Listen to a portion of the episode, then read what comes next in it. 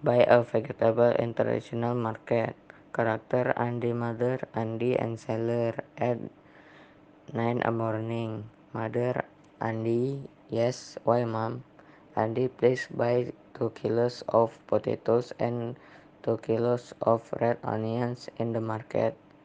Only those? Yes, that's all. I prepare myself first. Be careful.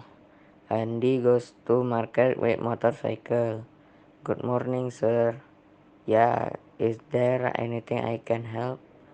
I want to buy 2 kilos of potatoes and 2 kilos of red onions. Wait, I, I take it for a moment. Okay, I'm waiting. Those are the items.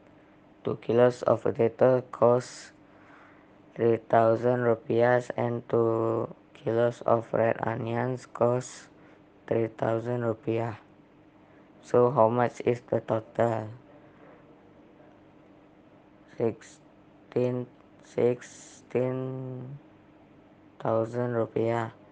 Here is money. Yes, the change is for 10,000 rupiah.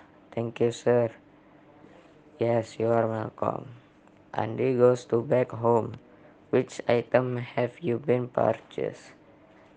In the plastic bag. Okay, thank you, Andy. Yes, mom.